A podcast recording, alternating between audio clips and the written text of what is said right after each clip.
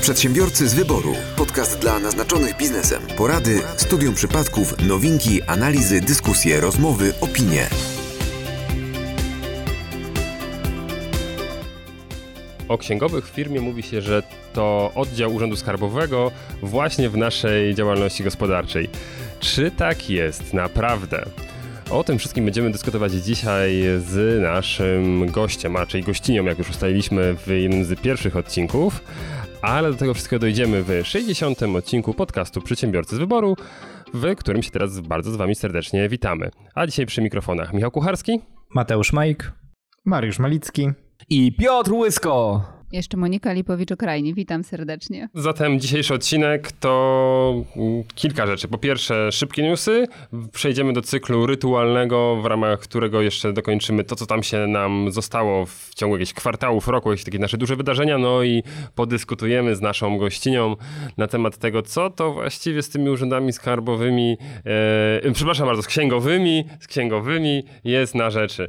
E, więc to wszystko w dzisiejszym odcinku na pewno będzie troszkę dłuższy niż to, których was teraz przyzwyczailiśmy. My się strasznie cieszymy, bo mamy też możliwość nagrywania po raz pierwszy, przynajmniej ja mam taką możliwość, w studio naszym, które przygotowaliśmy sobie tuż przed pandemią, więc e, dzisiejszy odcinek jest nagrywany trochę zdalnie, trochę nie, więc to też e, na was czeka. No ale dobrze, niedobrze. Newsy, panowie.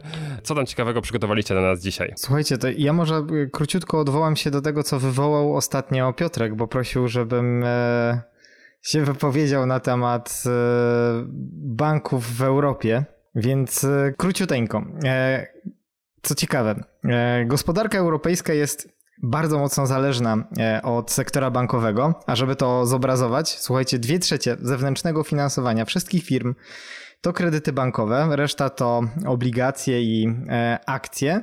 Natomiast w Stanach Zjednoczonych ten wskaźnik to zaledwie jedna trzecia, czyli tam, tam jest to dużo mniej uzależnione od banków. Na szczęście kryzysu w bankach niespecjalnie w tej chwili widać. Bank, a to dzięki głównie działaniom Europejskiego Banku Centralnego który zalał system finansowy gotówką, e, kupując obligacje rządowe, których planuje łącznie kupić 1,1 biliona euro. E, co oczywiście zwiększa płynność e, banków. Oprócz tego banki tworzą rezerwy na kredyty, które mm, no prawdopodobnie których spłacalność się niestety e, pogorszy. I to jest gdzieś tam problem. Ponoć banki są w stanie bez większych problemów wytrzymać maksymalnie do początku września i wtedy trzeba by było się odblokowywać z normalną akcją kredytową. No i tutaj bardzo mocno. Twoja żona mówiła, że ty nie jesteś w stanie do końca września wytrzymać bez większych problemów. no to prawda. Te, te, termin mamy na. Termin właściwie nam już minął. I europejskie rządy uruchomiły, jak pewnie wiecie, e, pomoc w postaci gwarancji na kredyty korporacyjne i konsumpcyjne, no i w ten sposób zmniejszyły ryzyko banków, więc na razie nie ma się czego tutaj obawiać. Jedynym, czy tak głównym problemem dla banków w tej chwili, mówię e, w Europie, e, to jest to, że wiele z nich ma ekspozycję na rynki, na branże, które no niestety są mocno dotknięte pandemią, czyli na przykład ropa, gaz, e, turystyka, no i tam muszą odprowadzać jeszcze większe mm, rezerwy na to, że to się może przestać e, spłacać, a rentowność banków w Europie spada od 10 lat e, o 45% ponoć spadła e, i największe problemy w tej chwili mają właśnie niemieckie banki, Deutsche Bank i Commerzbank, które próbowały się połączyć, ale im się nie udało. Tyle na temat banków w Europie. Dziękujemy za Twój referat. Ja mogę tutaj powiedzieć z mojej branży. Mamy świetną informację. Weszła tarcza w końcu oczekiwana 4.0 i przedsiębiorcy nie będą musieli już składać wniosków o umorzenie e, pożyczki 5000. tysięcy.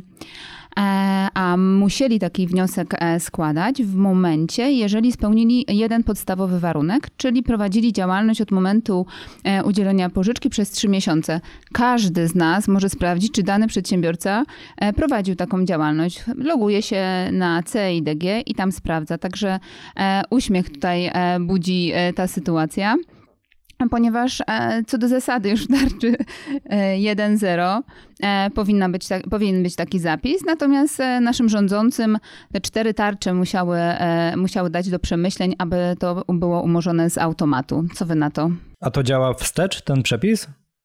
Tak, tak, przepis oczywiście działa wstecz. Wszystkie osoby, które, wszyscy przedsiębiorcy, którzy otrzymali e, pożyczki e, już e, nawet za czasów tarczy 1, 0, 2, 0 i 3, 0, nie będą musieli składać wniosków o umorzenie takiej pożyczki. To bardzo dobra wiadomość. Nauczony doświadczeniem sugeruje, aby jednak taki wniosek złożyć.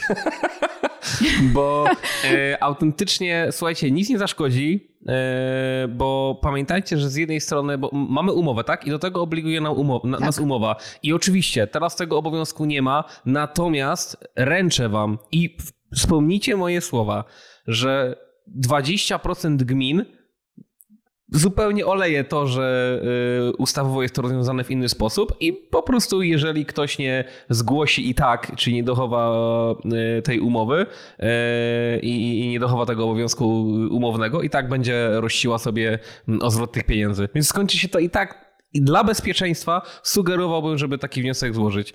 No, najwyżej nie będzie, nie wiem, ja to nazywam daleko idące bezpieczeństwo procesowe, to sugeruję mocno w takim przypadku.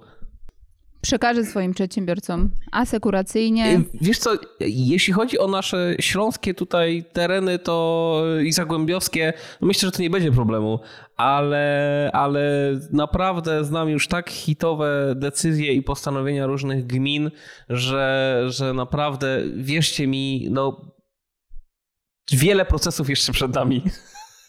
Które oczywiście No skończą na się po. No jasne, ta ochrona przedsiębiorców jest i faktycznie to, co powiedziałaś, no cztery, naprawdę cztery tarcze potrzebowali na to, żeby, żeby, żeby. Po co? Żeby wytłumaczyć, że dalej istniejemy.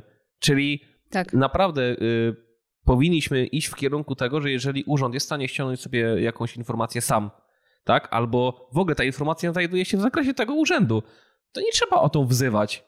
E, I wszystko powinno iść w tym kierunku. I przecież tak, tak Oczywiście jak do, do zmniejszenia biurokracji. Oczywiście, mamy, mamy CIDG. CIDG jest takie, że każdy może do niego wejść, więc, więc każdy urząd może od razu zweryfikować, czy, czy dane przedsiębiorstwo funkcjonowało przez rok, czy nie. Także, także zgadzam się z tą w 100%. No, Ale pozytywna informacja jest taka, że te cztery tarcze jak, jak szybko były wprowadzone przez 2-3 miesiące chyba, nie? Czyli tylko 3 miesiące potrzebowała, e, po, potrzebowano, żeby zauważyć, że coś jest nie tak. Także to chyba jest pozytywna informacja. No co, tak, ale my się trochę cieszymy, to jest tak jak, nie wiem, kojarzysz ten żart ze Stalinem, a mógł zabić.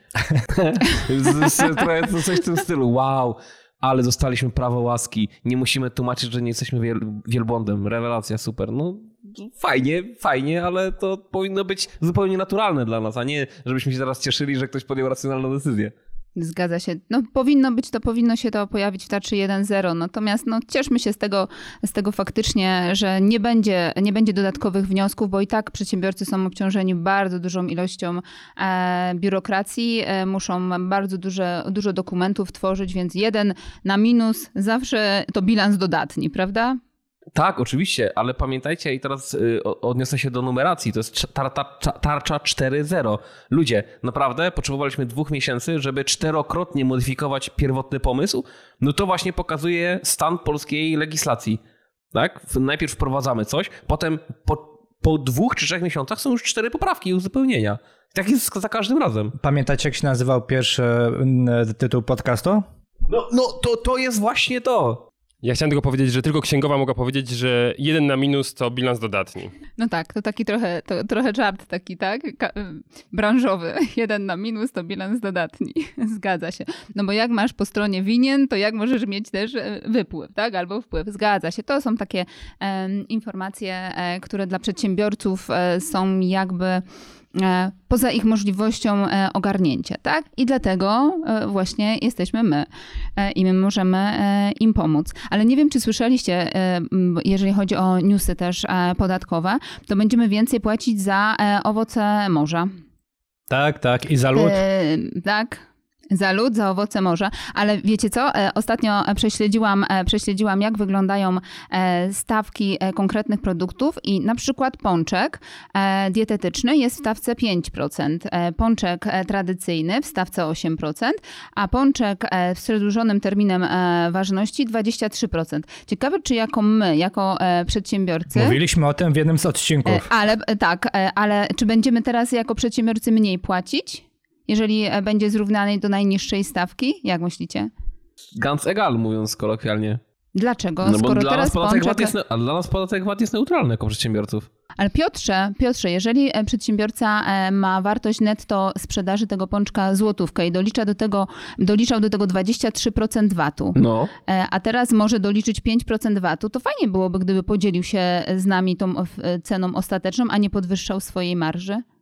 A, no to haha, dobrze, okej, okay, tak, tak. Rewelacja, super, super, że, że, że to podnieśliśmy. E, I to jest właśnie możliwość inaczej.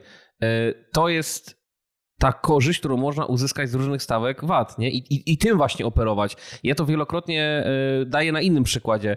E, zastanówcie się, który przedsiębiorca jest e, bardziej konkurencyjny. Ten, który sprzedaje coś po cenie X plus 23, czy X plus 8 na przykład, nie? No to jest proste.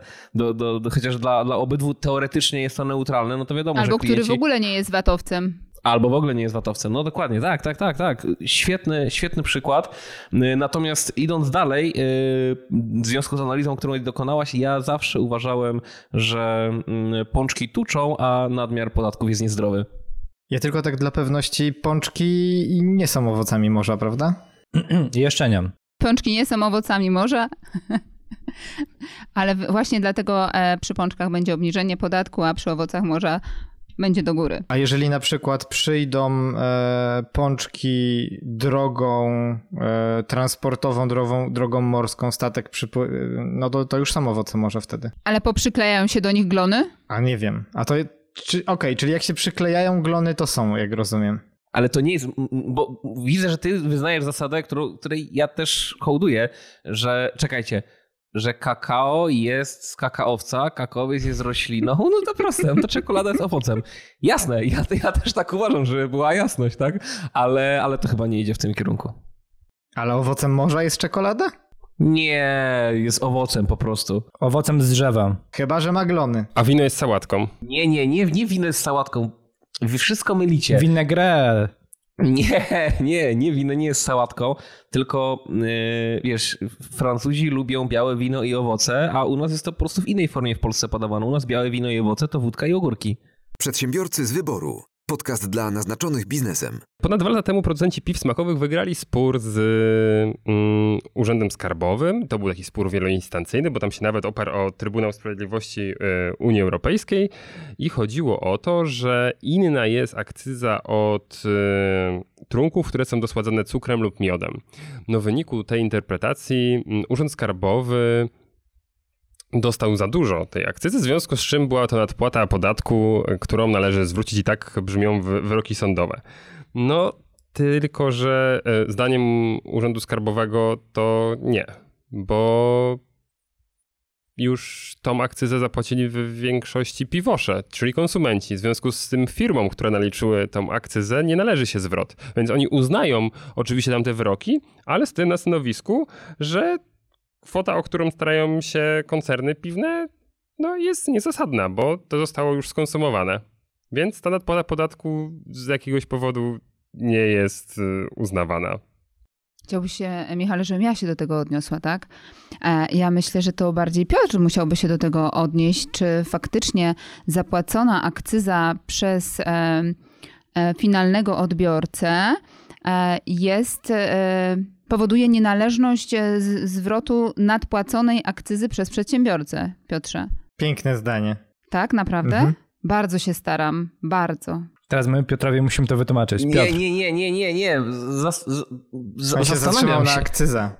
Nie, nie, nie, nie. Zastanawiam się. Eee...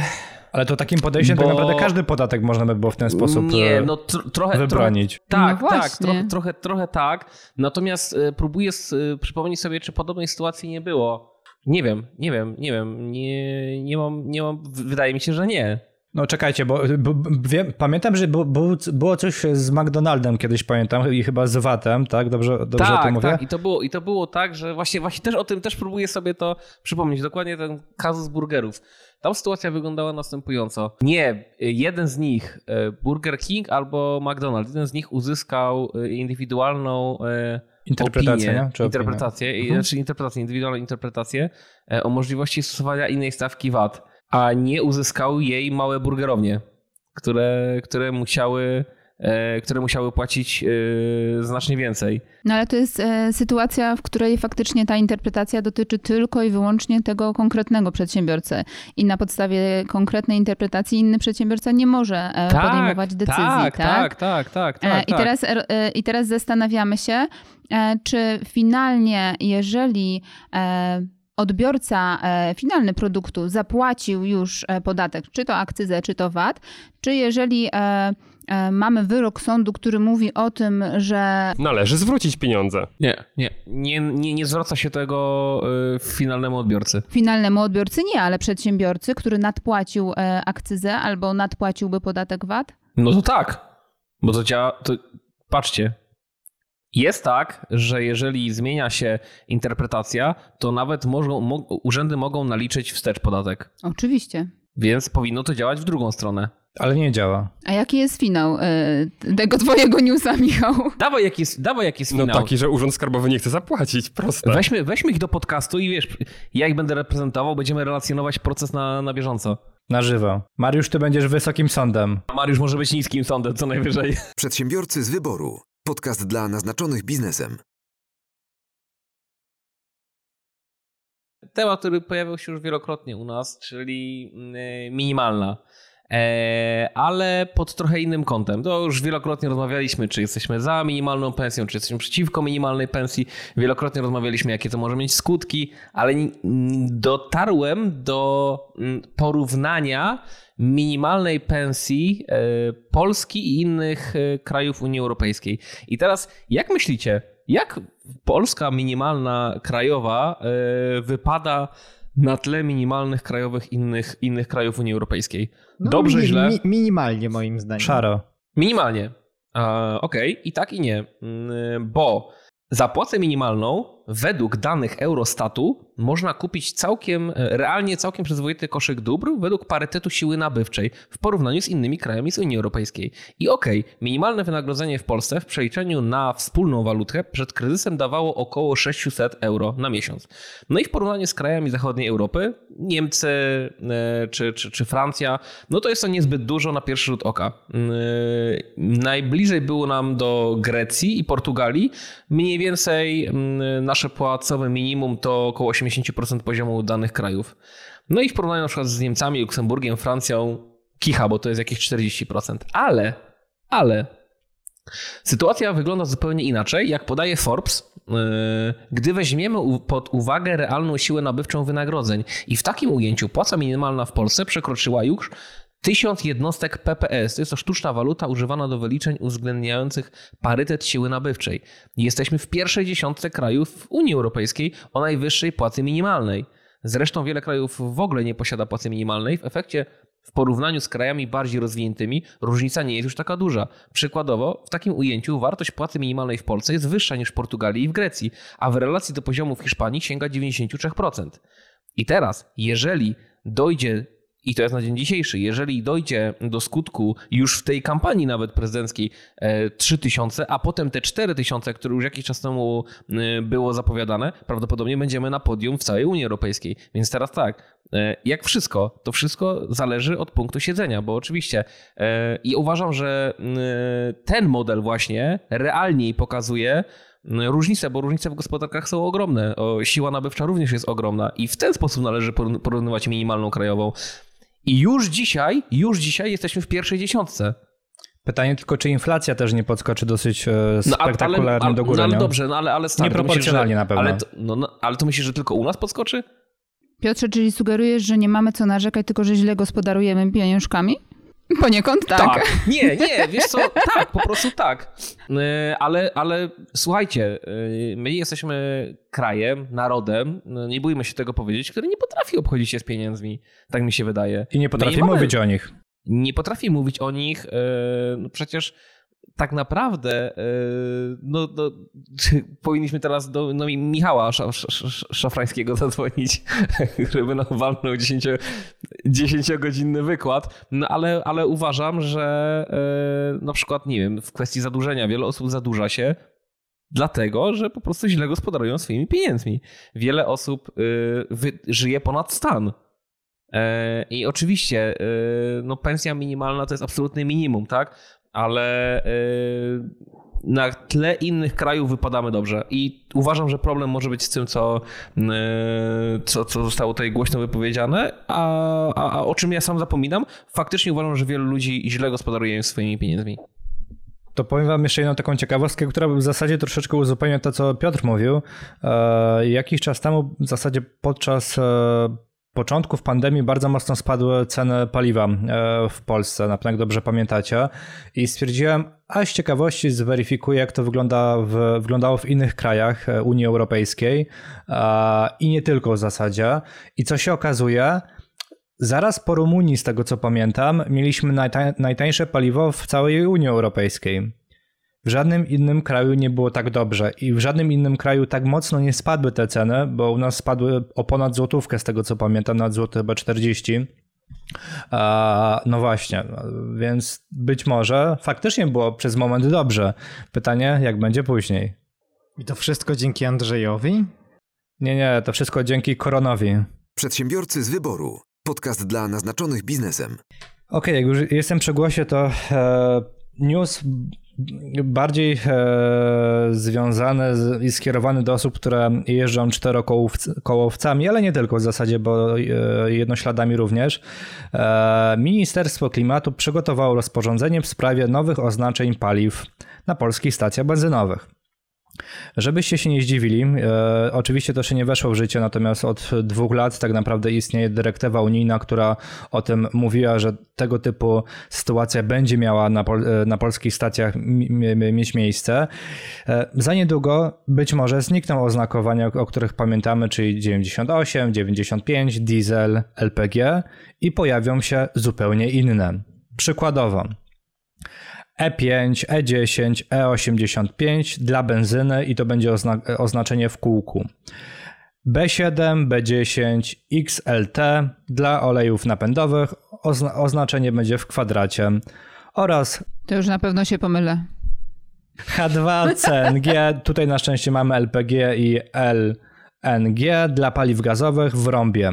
A dla LGBT? E, tego tutaj jeszcze nie ujęli, także być może będzie w ogóle jakaś kolorystyka tęczowa. E, to będzie tęczowa stacja. Mm, e, no właśnie, także fajnie jakbyście zwracali na to uwagę i mm, dobra jest informacja taka, że dla osób, które w najbliższym czasie będą nabywały auta, no to najprawdopodobniej zmieni się również naklejka we wlewie, natomiast jeżeli macie auta używane, no to musicie sobie albo nową naklejkę przykleić, albo pamiętać, żeby przypadkiem nie nalać złej benzyny. Ale te oznaczenia już są na stacjach. One już są, natomiast one w 100% mają być zastąpione, zastąpione, także już nie będzie tych, o których, e, okay. o których pamiętamy. Czyli teraz sobie szybko porównujemy, robimy sobie fotki, selfiacza e, i, i żeby zapamiętać, później sobie oglądamy na fejsiku, co wrzucaliśmy w starych dobrych czasach i wiemy, co, co, jaką benzynę nalać. Przedsiębiorcy z wyboru. Podcast dla naznaczonych biznesem. Mam dla Was e, pytanie, zagadkę. Jaka branża uwaga, jaka branża mm, w Europie e, jest szczególnie e, pokrzywdzona przez koronawirusa, a pracownicy tej branży mają, hmm, czy może przedsiębiorcy powinienem powiedzieć, przedsiębiorczynie bardziej, e, ma, mają duże problemy, żeby dostać jakąś rekompensatę finansową od rządów. Dużo podpowiedzi już. Erotyczna. Na pewno nie detektywi. Pr prostytutki. Manikirzystki i e, fryzjerki. Mateusz zgadł, bo jest na bieżąco. Usługi seksualne, oczywiście. E, słuchajcie, i. E, ale w Niemczech taki... chyba miały być jakieś dotacje, z tego co ale, pamiętam. Ale właśnie, słuchajcie, znalazłem e, artykuł z Politico, gdzie opisują sytuację w trzech państwach, w których jest prostytucja legalna lub po części legalna, lub tak półlegalna. I słuchajcie, Belgia. Adresy, adresy państwa alfabetycznie. No to już słuchaj, Belgia. Od 8 czerwca. Byłem, byłem. Od 8 czerwca już otwarte ponownie zostały domy publiczne. I, Jest. Ale super. to, co mnie bardzo zainteresowało, to w jaki sposób tam e, dba się o higienę. E, dystans społeczny, zachowanie dystansu społecznego, mianowicie jakie tak są jak przepisy. my, nie patrzymy sobie w oczy. Po pierwsze, sprawdzana jest temperatura każdego klienta. Po drugie... W jaki sposób? Na wszystkie trzy sposoby. e, po drugie, uwaga, po drugie, podczas stosunku zarówno e, pracownica seksualna, jak i klient muszą mieć maseczki. Słabo, kiedyś, był słabo. Taki, kiedyś, był taki, kiedyś był taki żart, nie, że y, jak jeśli idziesz do, idź do, idź do McDonalda na, i kupić sałatkę, to jak iść do burdelu, żeby się przytulić albo pocałować, nie? No teraz to już nie jest głupi żart. To tak, jeżeli chodzi o Belgię. W Grecji od 15 czerwca e, otworzyli domy publiczne i tam są zaostrzone zasady higieny i uwaga, e, pracownice seksualne obawiają się, że to odstraszy klientów. Nie wiem, wydaje mi się, że tam z higieną powinno być jednak e, lepiej niż w innych branżach, ale uwaga, usługa nie może trwać dłużej niż 15 minut. No to Mariusz idealnie dla ciebie. Mariusz, to trzy razy byś machnął.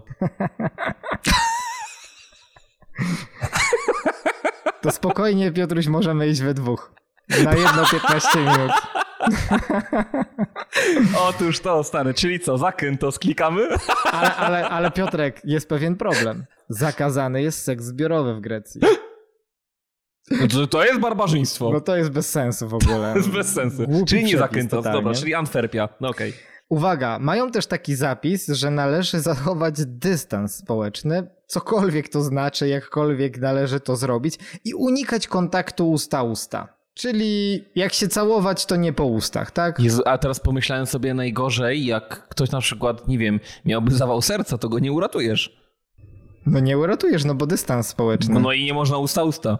A masaż, o, i to jest, widzisz, akurat, bo dobre miejsce, nie? Bo chodzi tam o masaż serca, nie? W przypadku, no to salon masażu najczęściej jest, więc akurat wie, powinni wiedzieć, jak to robić. Ale słuchajcie, e, w Belgii, wracając do Belgii, tam e, panie pracujące w tym zawodzie mogą być samozatrudnione i wtedy ubiegać się o jakieś e, dotacje. Gorzej jest w Grecji, gdzie takiej możliwości nie ma. Natomiast w Holandii, w Amsterdamie, słuchajcie... Ale poczekaj, mogę się przerwać? Czy to Możesz. oznacza, że, to oznacza, że jak ktoś ma problem z erekcją, to wtedy naprawdę może zadziałać postojowe? nie wiem, to chyba, chyba właśnie jak ktoś ma ok erekcję, to ma postojowe, nie? Czy, czy nie? A to ma postojowe cały czas. Słuchajcie, e, w Amsterdamie powsta- wolontariusze powołali fundusz, e, który wypłaca po 40 euro każdej e, pani pracująca w, za- w zawodzie seksualnym. Znaczy, może nie każdej, ale tym, które są najbardziej potrzebujące. I ogólnie wskazują em, wszystkie organizacje europejskie, bo po ponoć ich jest ponad 100, e, które zrzeszają właśnie e, pracownice z tego zawodu. Nie wiem dlaczego w artykule cały czas mówią pracownice, a, a mężczyźni nie pracują w tym zawodzie w ogóle. Nie, nie Dyskryminacja. wiem dlaczego. Tak, także to Politico o tym nie pisze, nic o, o kwestii mę- męskich usług seksualnych nie jest tutaj napisane. Może Piotrek się później bardziej wypowie, bo tutaj on jest znawcą. Natomiast e, podobno są panie w niektórych państwach, które mają stałych klientów, takiego, takich jeden, dwóch, który, którzy wystarczą na to, żeby e, wszystkie koszty utrzymania, e, takie podstawowe e, no, tej działalności I one by Nie, na przykład nie przeszły testu przedsiębiorcy w Polsce. Ja nie Bo wiem, mają jednego kontrahenta. Zależy, zależy, kto by testował, powiem ci. Myślę, że mają silne argumenty na to, żeby jednak każdy test przejść. W każdym razie, słuchajcie, no, trudna sytuacja branży. E, Mówimy, ja, ja mówię cały czas o jakichś tam usługach bankowych i tak dalej, a tutaj są, są prawdziwe Dramatem, dramatem. No tu, są, tu jest prawdziwe życie. No. Ja się zgadzam. No, nic, nic, tylko spuścić zasłonę milczenia na to. Przygniotłeś nas tym newsem. A to wiecie, a, to, a to, to jest w krajach, gdzie to jest jakoś regulowane, to jak źle jest w Polsce. Panie są ogólnie zmuszone do tego, żeby łamać Właśnie przepisy. nie, właśnie nie. U nas nie ma regulacji, jest wolny rynek, jest stuprocentowo wolny rynek. Dzięki temu się może rozwijać bez żadnych regulacji. Rewelacja. W sensie koronawirus? Y, też. Ja myślę, że koronawirus jest e, najmniejszą pro, pro, e, najmniejszym problemem, jeżeli chodzi o choroby w tej branży. Przedsiębiorcy z wyboru. Podcast dla naznaczonych biznesem. Czas przejść zatem e, do części rytualnej. Dzisiaj już ją definitywnie kończymy i myślę, że tutaj tak naprawdę dwa w miarę szybkie pytania. Czy są jakieś rzeczy, które robicie kwartalnie? Kwartalnie albo co miesiąc, no takie coś, co nie odbywa się w takcie tygodniowym, tylko, tylko większym. Rozliczenie podatkowe. Ja nigdy w życiu nie mógłbym się rozliczać kwartalnie. Czemu? No nie, nie, ja muszę robić to od razu. No bo, bo kwartalnie trzymasz te pieniądze, jak długo bym je trzymał, to tak długo byłoby mi przykro, że muszę je oddać. Wolałbym się z nimi nie zaprzyjaźniać. Przez trzy miesiące można z nimi coś zrobić. Można, ale to też nie są, to, to ja wolę oddać. Szybko oddać i, I dajcie zapomnieć. mi święty spokój i zapomnieć, tak. Może Piotr wraca do tej, do tej kwestii, o której rozmawialiśmy, o tym gospodarowaniu Mateusz pieniędzmi. Może. Może on ma jednak z tym problem. Piotr, wiesz, plus jest też taki y, tego kwartalnego rozliczania, przynajmniej z mojej perspektywy, że no i masz większą szansę na to, że uzbierasz sobie jakieś koszty nie? przez dany kwartał konkretny, no bo w ciągu miesiąca no, różnie z tym bywa, nie? a w ciągu kwartału może, może coś większego ci wpaść. Oczywiście później tak proporcjonalnie to będzie rozliczane w kolejnych miesiącach, natomiast po co, skoro możesz to w kwartale rozliczyć? No to jest takie e, kredytowanie się po prostu, tak? Pieniądz jest w obiegu, e, natomiast mamy świadomość, że jeżeli podatek e, wychodzi w, konkret, w konkretnym miesiącu, to powinniśmy mieć taką rezerwę odłożoną, bo tak jak Mateusz powiedział, być może będą wyższe koszty w przyszłych miesiącach, natomiast niekoniecznie. Także to jest taka forma kredytowania się, ale i samodyscypliny. Ja mam, to ja jeszcze w takim razie jak... Yy Mateusz wspomniał o takim kwartalnym rozliczeniu, to ja co kwartał staram się, znaczy kwartalnie staram się porównywać wyniki firmy, e, analizować te wyniki i potem porównywać kwartały do kwartałów. Ja uważam, że miesiąc do miesiąca to jest zbyt krótki czas, zbyt krótki okres, żeby, żeby mógł cokolwiek w mojej branży, w mojej działalności powiedzieć.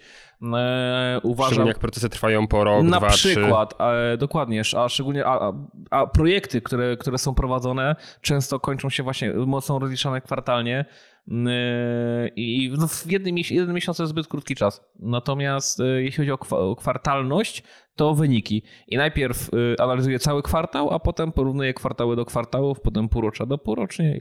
Lubię, lubię wykresy, lubię patrzeć, bo wtedy można naprawdę wychwycić, tylko trzeba szybko miarę trendy, wiesz, co, co, co, co jak, gdzie.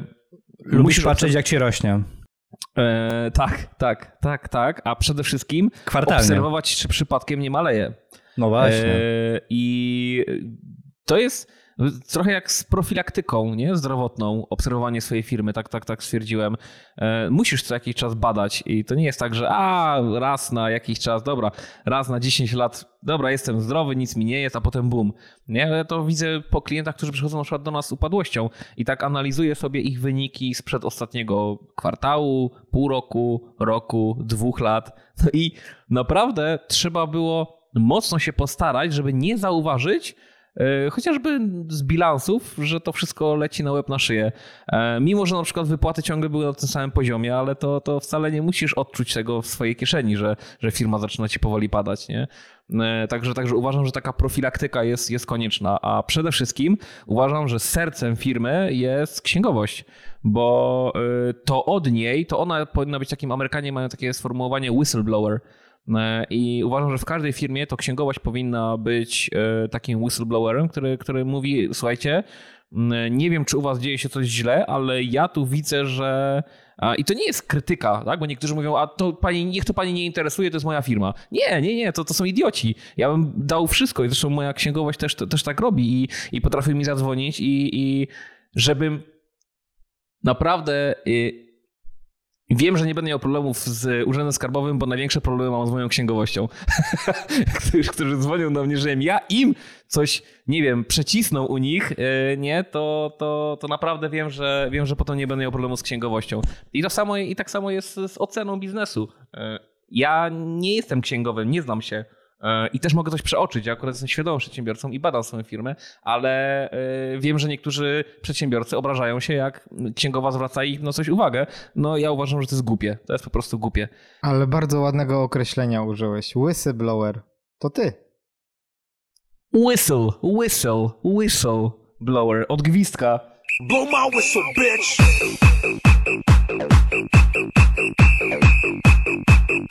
No ja w tym kontekście właśnie o tobie myślałem. Przedsiębiorcy z wyboru. Podcast dla naznaczonych biznesem. Ja sobie spoglądam na mojego Todoista, żeby sobie sprawdzić, e, jakie rzeczy ja robię regularnie. I oczywiście oprócz tym, tych, które łysy ty mówisz, tak, związanych z, typowo ze sprawami księgowymi, e, mm, to są wszystkie sprawy marketingowe. E, są rzeczy, które wykonujemy raz na jakiś tydzień, raz na miesiąc, jakieś mailingi, sprawdzenie Google Analytics. No nie siedzę codziennie, nie patrzę, czy, czy, czy wszystkie słupki ładnie idą, a warto to w jakiś sposób sobie tak zapisać, żeby to, to wracało do nas, tak? Żeby to nie było tak, że ojejku, przeczytałem jakiś artykuł, to sprawdzę po roku, jak tam nasze pozycje, czy co, co, jak się zmieniły wyszukiwania klientów i tak dalej. Więc to są na pewno rzeczy, które też e, staram się w jakiś sposób e, wykonywać w miarę regularnie, plus na przykład sprawdzenie, mm, nie wiem, strony pod względem SEO, tak? Tak, tam są jakieś wtyczki, które pokazują, jakieś rzeczy, które się pozmieniały, więc ja sobie robię przegląd taki raz na kilka miesięcy, yy, czy, czy, czy tutaj nasze artykuły są dalej spoko, czy czasem nie trzeba czegoś popoprawiać, bo się zmieniły jakieś wytyczne i tego typu rzeczy. Jest jedna rzecz, yy, dla której warto żyć. I nie zmienia się nic! Ale nie, ale jest jedna rzecz, yy, którą jeszcze chciałem dodać w kwestii naszych rytuałów. Nie wiem, czy mogę to podciągnąć pod rytuał, ale ja tak mam, że dla mnie firma to człowiek. E, każdy kontrahent, nie wiadomo, nie, nie, niezależnie czy jest to spółka ZO, czy jest to spółka komandytowa, spółka akcyjna, ja mam, jak wizualizuję sobie tą firmę, to mam przed, przed sobą jedną osobę, jedną konkretną osobę, e, która, nie wiem, personalizuje tą firmę. Dla mnie firma to nie podmiot jakiś, nie wiem, abstrakcyjny, tylko dla mnie każdy kontrahent to konkretny człowiek, z którym, z którym należy rozmawiać i z którym, z którym się kontaktuje. Ja tak mam. Niektórzy mówią, dobra, obojętnie, dzisiaj jest taki zarząd, jutro jest inny, podmiot to podmiot. Nie, ja jednak e, buduję, buduję swoje relacje na takim przywiązaniu jednak. E, nie mówię tutaj, że, że nie wiem, że chodzimy na piwo, tak? Po, po, po pracy, czy po, po jakichś e, spotkaniach, czy że, nie wiem, spotykamy się prywatnie. Nie, to nie o to chodzi. Dla mnie liczy się najbardziej człowiek. To jest coś, z czego być może to jest dobre, być może to jest złe, nie oceniam. Ja tak mam. To jest mój taki rytuał, że dla mnie, jeżeli dzwoni telefon i ma na przykład e, nazwa spółki, spółka ZO, to ja już wiem, kto za tym telefonem jest i że to jest konkretna osoba. I co ty z tą osobą robisz, jeśli to jest rytuał? Właśnie, właśnie dlatego zacząłem. Nie wiem, czy to jest rytuał, no ale, ale to jest coś, co, co zawsze mi przyświeca, zawsze mi przyświecało. Po prostu miał potrzebę się podzielić tym. No, no tak, nie, potrzebę, dobra, już nic o nie będę mówił. Chciałem się z wami podzielić i, i tak to Ty się też skończyło. jesteś dla nas człowiekiem. Mimo, mimo, że prawnik to jednak trochę człowiek. Radca prawny. Nie, nie, to tutaj to, co Łysy powiedziałeś, to jak najbardziej też ważne, żeby spoglądać na tych klientów jak na ludzi i się im przypominać. Rytualnie. W odpowiednich momentach. I faktycznie na wiosnę staramy się poprzypominać klientom, ale dlatego, że to jest gdzieś tam związane po prostu ze specyfiką naszej branży, bo wtedy e, planują eventy na, na lato, na, czasami na jesień, więc to też jest coś takiego, co, co na pewno wykonujemy. My jeszcze mamy taki rytuał, który w zasadzie wprowadziliśmy w momencie, kiedy były jakieś spektakularne zmiany w firmie i polegało on na tym, żeby faktycznie z wszystkimi firmami, z którymi mieliśmy współpracę albo mamy współpracę już długi czas prowadzoną, no to przekazaliśmy tę informację i też w ten sposób e, się komunikujemy z tymi firmami, że w momencie, kiedy wprowadzamy jakąś zmianę, wprowadzamy nową usługę, e, wprowadzamy nową osobę do zespołu, to staramy się również to komunikować na zewnątrz. I to też jest taki rytuał, który pokazuje, że firma ciągle się zmienia, firma ciągle się rozwija i no, odpowiada na potrzeby rynku, bo to jest też istotne, a bardzo często przedsiębiorcy, z którymi współpracowaliśmy 5-6 lat temu, e, pamiętają nas tylko przez pryzmat na przykład identyfikacji wizualnej, a teraz zajmujemy się no, dużo szerszym e, spojrzeniem na tematy związane z marketingiem i komunikacją. Więc dzięki temu, że mamy taki proces, nazwijmy to już bardziej niż rytuał, e, wprowadzany do firmy, to staramy się na bieżąco informować klientów o nowych zmianach.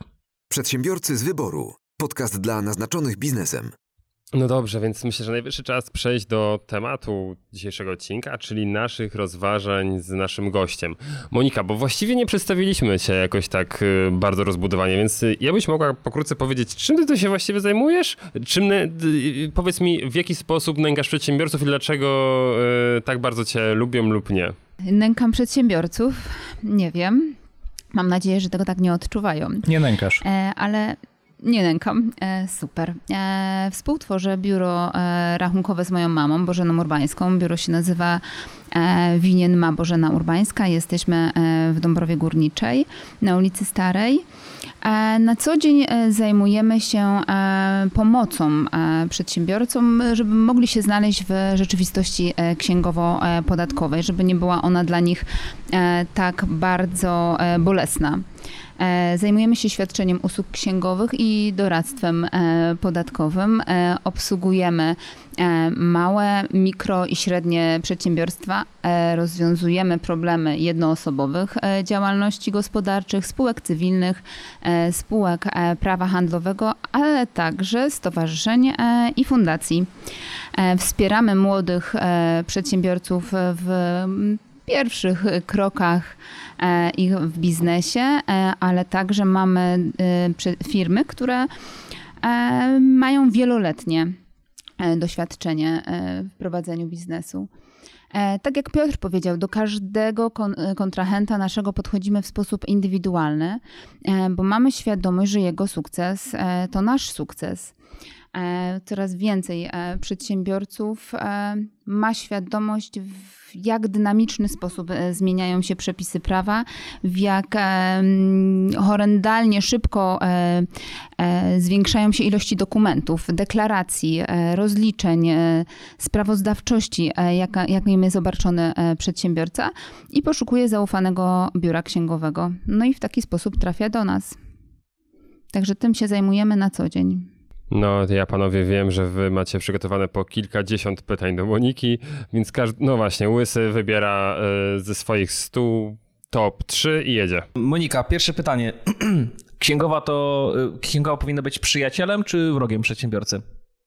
Czyli czy ma mu głaskać go po głowie, czy mówić, e, chyba y, spadłeś na głowę i y, że zamierzasz to wliczyć w koszty? E, księgowa powinna wiedzieć wszystko. Jak przedsiębiorca przychodzi e, do księgowej i chce osiągnąć konkretny cel, to powinien wyłożyć kawę na ławę. E, oczekuje takiego i takiego efektu i wtedy księgowa jest w stanie uszyć e, na jego miarę rozwiązanie. E, ale musi bardzo restrykcyjnie podchodzić do e, przepisów, e, które obowiązują, bo przedsiębiorcy niestety sugerują się logiką, a nie przepisami.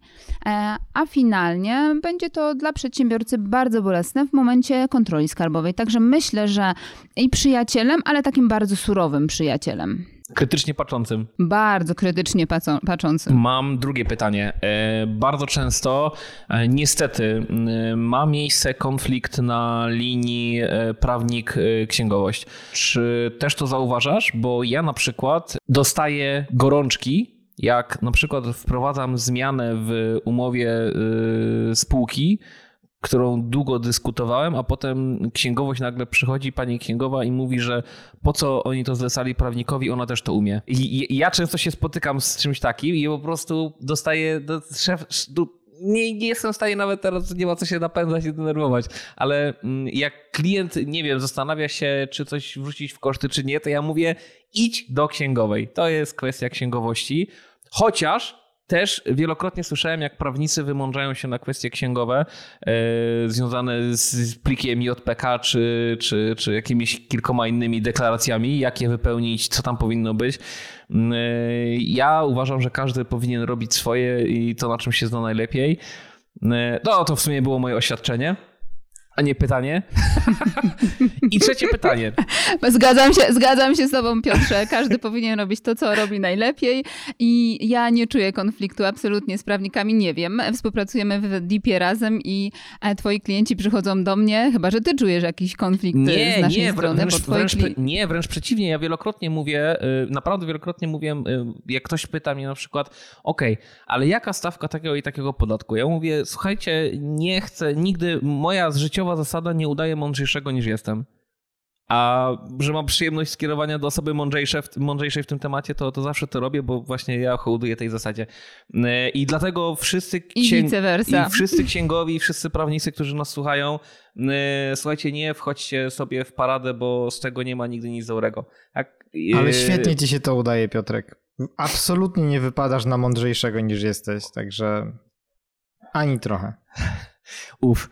E, I uwaga, pytanie trzecie. Podchwytliwe. Ostatnio rozmawiałem z, z jednym doradcą podatkowym, który e, powiedział, że naprawdę niektórzy ludzie starają się wrzucić w koszty dosłownie wszystko. E, między innymi padło takie sformułowanie, że jeden z klientów próbował wrzucić prezerwatywy w koszty. Czy możesz wymyśleć działalność, która może wrzucać w koszty prezerwatywy? Usługi seksualne? No nie w Polsce. No właśnie, e, ale musimy w Polsce. Tak, w Polsce. Wiesz co, ja ci powiem o takim, e, powiem ci o takim przykładzie. E, księgowałam, a księgowałam firmę, firmę wodno-kanalizacyjną i nagle zobaczyłam, że firma wodno-kanalizacyjna kupiła piłki do kosza w niesamowitej ilości. Zastanowiłam się, kurczę, coś jest nie tak, przecież to nie może stanowić kosztów uzyskania przychodów. Natomiast e, po konsultacji e, z tym przedsiębiorcą okazało się, że piłka przetyka jakąś rurę, która e, musi być, i ta piłka musi być wykorzystana w tym procesie produkcyjnym. Więc myślę, że kreatywność przedsiębiorców na pewno. Ja nie wymyślę takiego zastosowania prezerwatywy. Natomiast, no nie wiem, może w cudotwórni można byłoby wykorzystać Nie, nie, nie, nie, ciąg, nie ciągnijmy tego tematu dalej, bo na pewno tam są, ja słyszałem, że są wielokrotnie wykorzystywane, po prostu oni nie wliczają tego w koszty na szczęście do tej pory. Natomiast... Ich księgowanie wlicza tego w Patrz, koszty, Michał tak? zdjął, pokazał. tak, Michał chodzi od rana. Yy, słuchajcie, ale yy, Monika naprawdę... Ale dlaczego? Tak na poważnie, ale tak na poważnie, zaimponowałaś mi zaimponowałaś mi bardzo. Przepraszam, ci wejdę w słowo, bo to, co powiedziałaś, jest totalnie fantastyczne. E, to jest to, co chciałem usłyszeć. Uważam, że jesteś, obroniłaś się w 100%. Dlaczego? Teraz wytłumaczę. E, jeden z księg księgowych bądź doradców, nie wiem, podczas tej dyskusji napisał, że jemu udało się wybronić prezerwatywy ale też był zdziwiony, że one się w ogóle pojawiły. I dlaczego? Autentyk.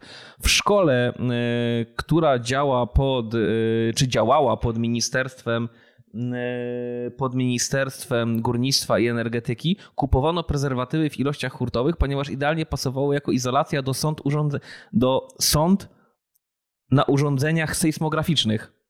E, i wybronili te, fa e, te faktury. I, I, autentycznie nie byli w stanie e, zastosować niczego innego, tylko jakąś tam chałupniczą metodą izolowali te sądy prezerwatywami. I e, faktycznie one zostały zakwestionowane, natomiast e, urząd finalnie zaakceptował wliczenie w koszt tych prezerwatyw. Coś niesamowitego, nie? Także, także słuchajcie, nie, pamiętaj Mariusz, niewiele... Nie... Zabraknie ci balonów na imprezie? Pam... Jak ci zabraknie balonów na imprezie... E... Popatrz, widzisz, masz pytanie, masz no, odpowiedź. No, ale to, to się, ale to, ta firma się nazywa Cudotwórnia, nie bez kozery, naprawdę. To ja pytań nie mam, natomiast e, fajnie jakbyśmy podyskutowali troszeczkę w kwestii związanej z tym, czy i kiedy warto w ogóle e, korzystać z usług e, księgowej, bo każdy z nas miał przygodę z prowadzeniem własnej księgowości, może poza Piotrem. Fajnie jakbyśmy może trochę o tym też opowiedzieli z własnej autopsji. To na pewno, szczególnie, że mamy też pytanie od naszego słuchacza, prawda? Czy opłaca się na samym początku działalności oszczędzać na prowadzeniu księgowości. Bo tak to trzeba sobie na to spojrzeć, że no, gdzieś na początku jest jakaś oszczędność. Zresztą tutaj Mateusz, my chyba, nie wiem jak Mariusz, ale my chyba razem korzystaliśmy z usług takiego pewnego biura ogólnopolskiego, które świadczy usługi online. Tak, dokładnie, natomiast to, ja sobie też przypomniałem e, tą całą historię u siebie. E, no przez rok czasu e, prowadziłem swoją własną księgowość, gdzie no właśnie miałem cyfrową kilometrówkę, cyfrową księgę przychodów i rozchodów, którą sobie robiłem i też również system do wystawienia faktur, to ze sobą było wszystko powiązane. Natomiast bardzo często pojawiały się właśnie u mnie w głowie pytanie, czy ten konkretny koszt jestem w stanie rozliczyć e, i nie będzie problemów e, związanych z prawem po pierwsze szukałem informacji, tak? Szukałem informacji e, od Krajowej e, Informacji Podatkowej, gdzie dzwoniłem, bardzo często nie dało się dodzwonić. E, natomiast jak już się udało i miałem trochę cierpliwości w tym temacie, to faktycznie miałem to szczęście, że, że trafiałem na osoby, które wskazywały mi konkretne przepisy i mówiły w jaki sposób do tego podejść w przypadku, kiedy pojawiłaby się kontrola. Natomiast znowu, no to jest w tym momencie mm, branie odpowiedzialności bezpośrednio na siebie jako przedsiębiorcy, gdzie e, świadomie można powiedzieć, e, brałem tą odpowiedzialność, w związku z tym na szczęście się jeszcze nic nie, nie przytrafiło, ta firma została zamknięta i już dużo czasu minęło od, od e, rozliczania, natomiast e, tak się śmieję, mam nadzieję, że, że żadnego błędu po drodze nie popełniłem. Natomiast już kolejną firmę, którą uruchamiałem, to już była firma, która bezpośrednio była rozliczana przez księgowość, w związku z tym, że miałem dużo większe koszty. To co istotne, właśnie w tej pierwszej firmie nie byłem watowcem. To też, też jest istotne, więc troszeczkę mniej było kwestii związanych z e, kwestiami formalnymi do do, do spełnienia w ciągu danego miesiąca. E, jedynie chyba najbardziej uciążliwa była kilometrówka, którą wtedy musiałem rozliczać i, i najwięcej chyba problemów ona sprawiała pod względem czasu, który musiałem poświęcić.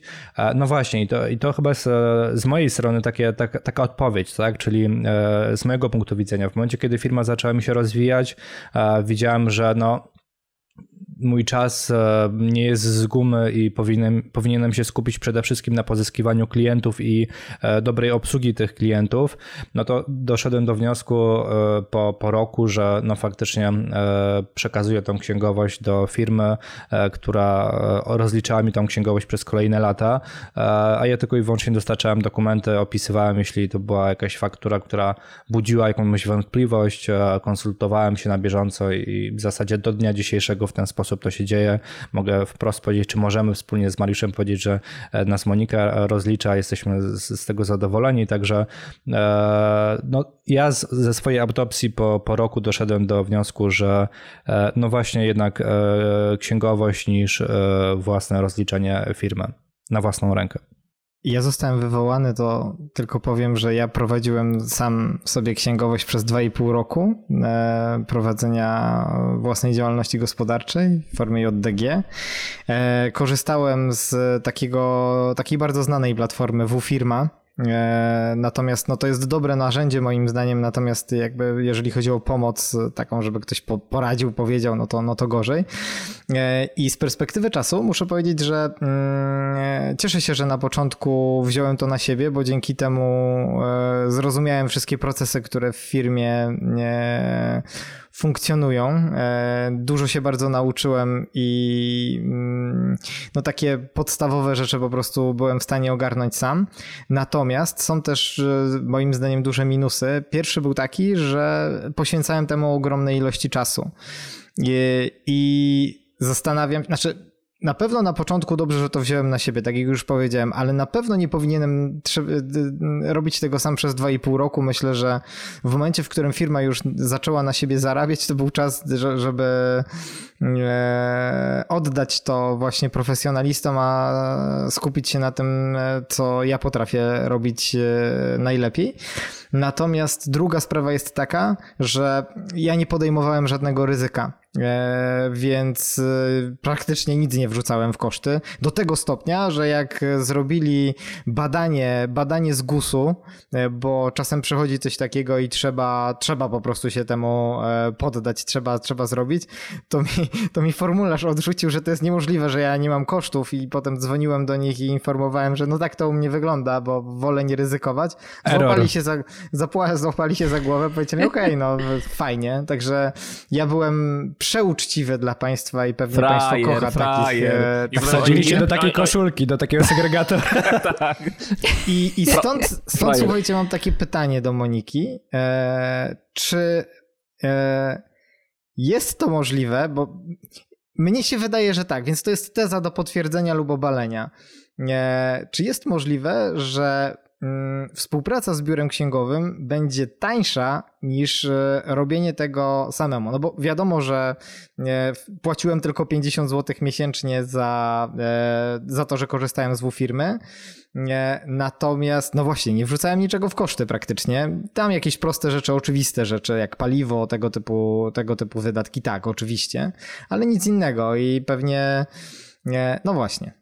Pytanie do ciebie. Zanim Monika odpowie, to, to dobrze też, żeby słuchacze zdawali sobie sprawę, że na tamte czasy, kiedy ty to robiłeś, to najprawdopodobniej patrząc na koszty takie prowadzenia księgowości przez biura rachunkowe, no to zaoszczędziłeś w skali miesiąca około 100 zł. E, no bo mniej więcej za 150 zł można było znaleźć już e, firmę, która ciebie rozliczała. E, więc pytanie, czy ten czas, który poświęcałeś w ciągu miesiąca i ten VAT, którego nie rozliczyłeś, czy podatek dochodowy był wart więcej niż 100 zł? Moim zdaniem tak. Pytanie do mm, Moniki. Ale Monika jeszcze nie odpowiedziała na pytanie Mariusza. Ja wiem, ale ja chcę uzupełni właśnie uzupełniająco, dlatego się tak wyrywałem. Okej. Okay. On z tymi tarczami, 1, 2, 3, 4, on też musi uzupełnić każde pytanie o, o kilka dodatkowych opcji. One, two, three, one, two, three. Czy jesteś w stanie strzelić, ile godzin miesięcznie poświęca polski przedsiębiorca na to, jeśli się oczywiście sam rozlicza, na rozliczenie z urzędem skarbowym? Mm, tak, to, to tak zastanów się i to, to, mhm. to, taki mój suplement. E, no to wracając e, do pytania Mariusza. Mariusz, e, ty musiałbyś przede wszystkim określić, ile warta była twoja robocza godzina. Bo tyle czasu, ile ty poświęciłeś na to, ażeby zadzwonić e, na infolinię, ażeby przeczytać przepisy, śledzić je, ażeby zaksięgować e, dokumenty, więc ty musisz odpowiedzieć na pytanie, ile warta jest twoja robocza Znam godzina i jaki czas... na to pytanie, także to jest bolesne. więc, więc to jest pierwsza, pierwsza jakby pierwsze pytanie, na które powinniśmy sobie odpowiedzieć. Druga sprawa, właśnie to, co powiedział Mateusz jeżeli wykorzystywałeś e, na przykład do swojej działalności gospodarczej samochód um, i mówisz, że w ogóle nie księgowałeś do kosztów uzyskania przychodów, e, kosztów e, e, wartości samochodu, bo miałeś samochód, mogłeś go wprowadzić na środki trwałe. Używałeś e, komputera, który również wykorzystywałeś do działalności gospodarczej, mogłeś też e, zaewidencjonować do środków trwałych i zamortyzować to. Więc pytanie, jak dużo podatku niepotrzebnie zapłaciłeś do urzędu Urzędu Skarbowego. I zostawię cię z tą informacją taką gorzką chyba. I Bardzo ja kocham ciebie. polskie państwo, dlatego Z ręką prostu... w nocniku zostałeś. Nie chciałam być taka drastyczna, Te wszystkie 500 Piotrze. plusy, kochani, ja to, ode mnie, to ode mnie jest po prostu. Piotrze, zadaj mi jeszcze raz e, to pytanie, na które chciałeś, żebym odpowiedziała. Czy chciałaś zostać księgową już od przedszkola? E, tak. Ja, ja księgowość wyssałam z mlekiem matki, Piotrze. E, Super. Ponieważ, e, ale to ja się tak śmieję z tego, faktycznie, e, ponieważ moja mama jest księgową i razem z nią tworzę. Ale to, to nie, było, to nie było to pytanie. To pytanie, które ja zadałem, to jest. Ale mnie wkręciłeś. To jest. Czy wiesz, ile średnio polski przedsiębiorca, który sam rozlicza się, poświęca na rozliczenia z urzędem skarbowym? Rocznie, w skali roku. Bo to jest ciekawsza liczba. Ile godzin w skali roku? Ja mam takie doświadczenia, że na przykład przychodzą e, po całym roku księgowym do mnie e, kontrahenci a, i e, mówią, nie płaciłem podatków, nie księgowałem, nie interesowało mnie to wcale. Więc jeżeli zero wrzucimy do tej średniej, to, to nam na pewno obniży, obniży Dosko, tą ilość. Dosko, doskonałe spostrzeżenie. Podzielę się z wami informacją, którą udało mi się znaleźć. Ja bym strzelał Otóż 40 wynika... godzin. A ja, 70, godzin... ja 72 godziny rocznie. 72 godziny rocznie, 40 godzin rocznie i to się niepoważni. Co, co? No nie, po prostu nie. Jak wynika z raportu Banku Światowego, polski przedsiębiorca poświęca 336 godzin rocznie na rozliczenie podatku. To jest godzina dziennie. I ja się wcale nie dziwię. Mniej więcej oczywiście godzina dziennie. No to ja poświęcałem te 72 godziny. Dziękuję, dobranoc. No i to jest odpowiedź, to jest moja... Zadałem to pytanie dopiero teraz i podałem te cyfry, te liczby dopiero teraz, no bo to jest jasna odpowiedź, czy chcesz przez godzinę dziennie za przeproszeniem pieprzyć się z fakturami, tak? E, czy chcesz, e, czy chcesz żeby, żeby, żeby zrobił to ktoś inny, kto się na tym zna. Bo ręczę ci, że przez godzinę dziennie tracisz czas na to, żeby się rozliczyć z urzędami skarbowymi, a po roku się okaże, że i tak zrobiłeś to źle. Także wybór należy do ciebie. To jest coś, co absolutnie to jest taki must have outsourcingu. Ja jestem średnim zwolennikiem outsourcingu, ale akurat księgowość to, to, to, jest, to jest coś, co w ogóle nie podlega dyskusji. Albo zatrudniasz w dużym przedsiębiorstwie swoją księgową, albo przy małym przedsiębiorstwie outsourcujesz to na zewnątrz. Nie ma innej możliwości. Przy takim skomplikowaniu rozliczeń, jakie mamy w Polsce, nie ma możliwości, żeby ktoś prowadził, no chyba, że jest fetyszystą i stwierdzi, nie, nie chcę zarabiać pieniędzy, nie, nie chcę obsługiwać swoich klientów, albo będę pracował cztery razy dłużej, bo dlaczego nie? Wtedy możesz się sam rozliczać. Ale uwaga, na bank popełnisz jakiś błąd, bo nie da się nie popełnić tego błędu. Amen. E, to ja, ja rozwinę pytanie e, Piotra. E, powiedz mi, Monika, ile ty miesięcznie, tygodniowo poświęcasz czasu na ogarnianie samych zmian w przepisach? Wiesz co, ostatnimi czasy w ogóle nie śledzę zmian w przepisach, także nie wiem, ale W ogóle nie śledzę śledziłam... zmian w przepisach. Tarcze, mam tarcze, firmę z mamą, tarcze także mama śledzi. Ja nie mam, pojęcia, mam nadzieję, że mama śledzi. Po prostu, a ja, się, a, ja siedzę, a ja siedzę i piję kawę. I czasami przyjdę na fajną rozmowę do chłopaków. Nie no, e, e, ostatnimi czasy e, bardzo dużo, bardzo dużo, ponieważ e, stan e, epidemii e, wprowadzał, tak jak wspomnieliśmy, tarczę jedną za drugą. Przedsiębiorcy czuli się strasznie niepewnie, bo nie wiedzieli, co będzie z ich, z ich biznesami. Niektórym całkowicie zakręcono kurek, bo pozamykano możliwość zarobkowania. Inni bali się, że przyjdzie bardzo sroga zima i za chwilę będą mieli za chwilę odczują e, skutki COVID. E, mniej więcej jedną trzecią czasu e, pracy poświęcamy na śledzenie, na śledzenie wszystkich zmian. Natomiast mamy zespół, pracujemy w zespole i każda z nas przynosi newsy. My mamy codzienne newsy, cotygodniowe spotkania informacyjne, żeby nic nam po prostu nie umknęło. Jesteśmy bardzo często na szkoleniach, e, szkoleniach online. Literatura fachowa e, u nas e, leży na, każdej, na każdym biurku. Nos w przepisach. Nie wszystkie przepisy jesteś w stanie mieć w głowie, w głowie natomiast nos musisz mieć bez przerwy w przepisach. Prawda, Piotrze? Wiesz, gdzie masz sięgnąć. Tak, oczywiście. I wyciągasz informację, która jest ci w danym momencie potrzebna. Tak, ma czasami no, nos nawet gdzie indziej. Eee, jak, szukam, jak szukam trufli. No, ale yy, słuchajcie, yy, jeśli chodzi o, o mm, adwokatów i profesjonalistów z branży prawnej, też to zostało zbadane. I godzina dziennie to jest ten czas, który należałoby poświęcić do śledzenia wszelkich zmian. No tylko, że to też nie, też spokojnie, no bo y, najgorzej mają ci, którzy zajmują się prawem administracyjnym, gdzieś tam, y, czyli jakieś prawo telekomunikacyjne. Y, sfera, sfera administracji ma najgorzej, bo tam te przepisy zmieniają się co chwilę i jest bardzo dużo rozporządzeń.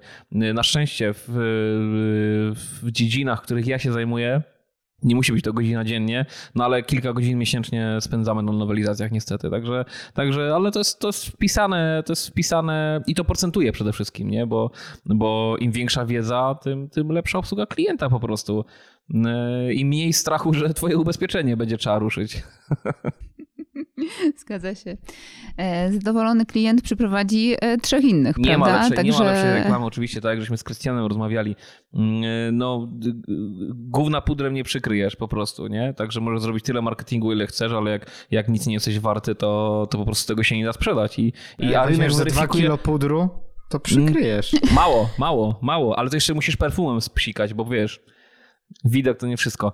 E, wygląd to nie wszystko, ale e, no, rynek weryfikuje. Rynek weryfikuje i, i przed tym nie uciekniemy. Ja mam takie pytania mm, dotyczące case study, czyli najciekawsze mm, wpadki, nazwijmy to, przedsiębiorców, o których słyszałaś pod względem kwestii podatkowych, tak? No właśnie, albo jakie najczęściej błędy są popełniane przez przedsiębiorców, no żeby też nasi słuchacze unikali ich w przyszłości. Uważaj, bo zaraz usłyszę, że jakiejś swojej. Jestem na to też gotowy. Był taki jeden koleś, który. E, nie, nie, nie. E, e, ale troszkę, troszkę się tutaj odniosę do spółek ZOO. Osoby, które prowadzą działalność gospodarczą już jakiś czas, na przykład w formie spółki cywilnej, w pewnym momencie stwierdzają, że ta forma opodatkowania, ta forma prowadzonej działalności organizacyjno-prawna im nie odpowiada, zakładają spółkę ZOO. E, I spółka ZOO jest e, o tyle ciekawym e, tworem, że mm, nie ma nic wspólnego z kieszenią wspólników, udziałowców. E, a, tak, Piotrze, widzę, że tutaj wtórujesz mi. A oni sobie z bankomatu nie... ciach pieniążki i ciach pieniążki. A oni sobie pieniążki. z bankomatu ciach pieniążki, a oni sobie w McDonaldzie ciach kartą kredytową. Zgadza się do, w, ta, ta, nasza współpraca dopiero zaczyna e, funkcjonować w poprawny sposób, gdy przedsiębiorcy e, prowadzący e, spółkę zorientują się i pozwolą na funkcjonowanie temu organizmowi samemu, tak? Gdzie nie będą ich wydatki brały udziału w spółce ZOO. E, gdzie się przyzwyczają, że trzeba prowadzić raport kasowy, e, gdzie księgowa zapuka, ja poproszę wyciąg bankowy od pierwszego do ostatniego, bo jest mi bardzo, bardzo niezmiernie potrzebny. Także no, to jest taka, to jest taka e, sytuacja, która się e, powtarza, e, powtarza e, często. Wiecie co, ostatnio e, został wprowadzony, od, no, od początku roku został wprowadzony przepis, e, tak zwany e, ulga na złe długi. I wielu przedsiębiorców na przykład nie korzysta, bo jest to fakultatywne, z możliwości wyksięgowania przychodów, które nie zostały im zapłacone. E, zarówno w podatku dochodowym, jak i w podatku VAT. E, podatku VAT. I jest to dla nich w tym momencie e, krzywdzące, bo płacą zdecydowanie wyższy podatek dochodowy. Ale trzeba pamiętać o drugiej stronie, o stronie kosztów. Jeżeli przedsiębiorca nie zapłaci faktury w terminie 90 dni od daty terminu płatności, to musi wyksięgować to z kosztów uzyskania przychodów. Ale tak jak Piotr powiedział, widocznie prowadząc samemu e, tą e, księgowość, no nie mieli czasu na to, ażeby śledzić tą e, zmianę, bo zmiana goni zmianę i niestety ten czas, który musimy poświęcić prowadząc sami swoją księgowość, jest nieadekwatny do e, kwoty, którą musielibyśmy zapłacić za e, prowadzenie swojej księgowości w biurze rachunkowym i posiadanie pewnego rodzaju komfortu i spokoju. Niech każdy zajmuje się tym, co potrafi. Przedsiębiorcy powinni maksymalizować swój zysk, rozwijać swoje działalności gospodarcze, a nie tracić czasu na, na na przestrzeń, która, którą, którą mogą outsourcingować. Ja, ja to dobrze rozumiem, że przykładowo, jeśli wystawiłem mojemu klientowi fakturę i on, nie wiem, w przeciągu 3-4 miesięcy jej nie zapłacił i tutaj nie wchodźmy w to, czy mam rozliczenie na zasadzie kasowej, czy nie, bo, bo to nawet mi nie o to chodzi, ale to wtedy ja wyksięgowuję tak, tą fakturę, ale pytanie wtedy pod względem prawnym, czy ja mogę dalej prawnie dochodzić swoich e, roszczeń, e, jeśli chodzi o zaległość e, płatności? No bo jeśli wyksięgowałem tą fakturę, to pytanie, mm -hmm, czy, mhm, czy prawnie mm -hmm. dalej e, przedsiębiorca, któremu wystawiłem fakturę, on mi ją za, zalega za nią. E, e, Mateusz, no nie, nie jestem w stanie ci odpowiedzieć na to pytanie. Może Piotr by też e, zajął tutaj stanowisko. Natomiast te przepisy podatkowe pozwalają ci dokładnie, one wskazują dokładny moment, kiedy ty możesz wyksięgować, Aha. tak? I pomniejszyć podatek dochodowy. 90 dni od daty terminu płatności. Natomiast czy na gruncie prawa cywilnego możesz dochodzić swojej należności, to tutaj oddałabym głos Piotrowi. Bo jakby to jego przestrzeń. Spotkałeś proszę się z tym? O, proszę o powtórzenie pytania. Patrz, e, wystawiłem fakturę przedsiębiorcy, tak? E, mijają 4 miesiące, przedsiębiorca nie zapłacił, ja ją wyksięguję, tak wy, wyksięgowałem tak naprawdę, to dalej mogę e, swoich roszczeń, e, no, mogę, że tak powiem, ścigać przedsiębiorcę? Tak, ale tylko w kwocie netto. Okej. Okay. Bo jeżeli dostaniesz zwrot podatku, yy, może dochodzić od drugiej strony kwoty brutto w momencie, w którym yy, kwota netto nie jest zapłacona. A... Ale Piotrze, Piotrze, ja ci, Piotrze, wejdę ci w słowo, bo ja mówię o dwóch sytuacjach. E, po 90 dniach od e, upłynięcia terminu e, płatności przy, przedsiębiorca może prawda, wyksięgować, ale też kwotę netto. Wiem, z wiem, przychodu wiem, ale możesz, i kwotę wiem, VAT-u. Wiem, mhm. ale dochodzić możesz Inaczej, może dochodzić kwoty brutto, ale druga strona może podnieść, że jeżeli zrobiłeś sobie ulgę na VAT na przykład e, i został ci zwrócony, no to nie możesz tego dochodzić od drugiej strony.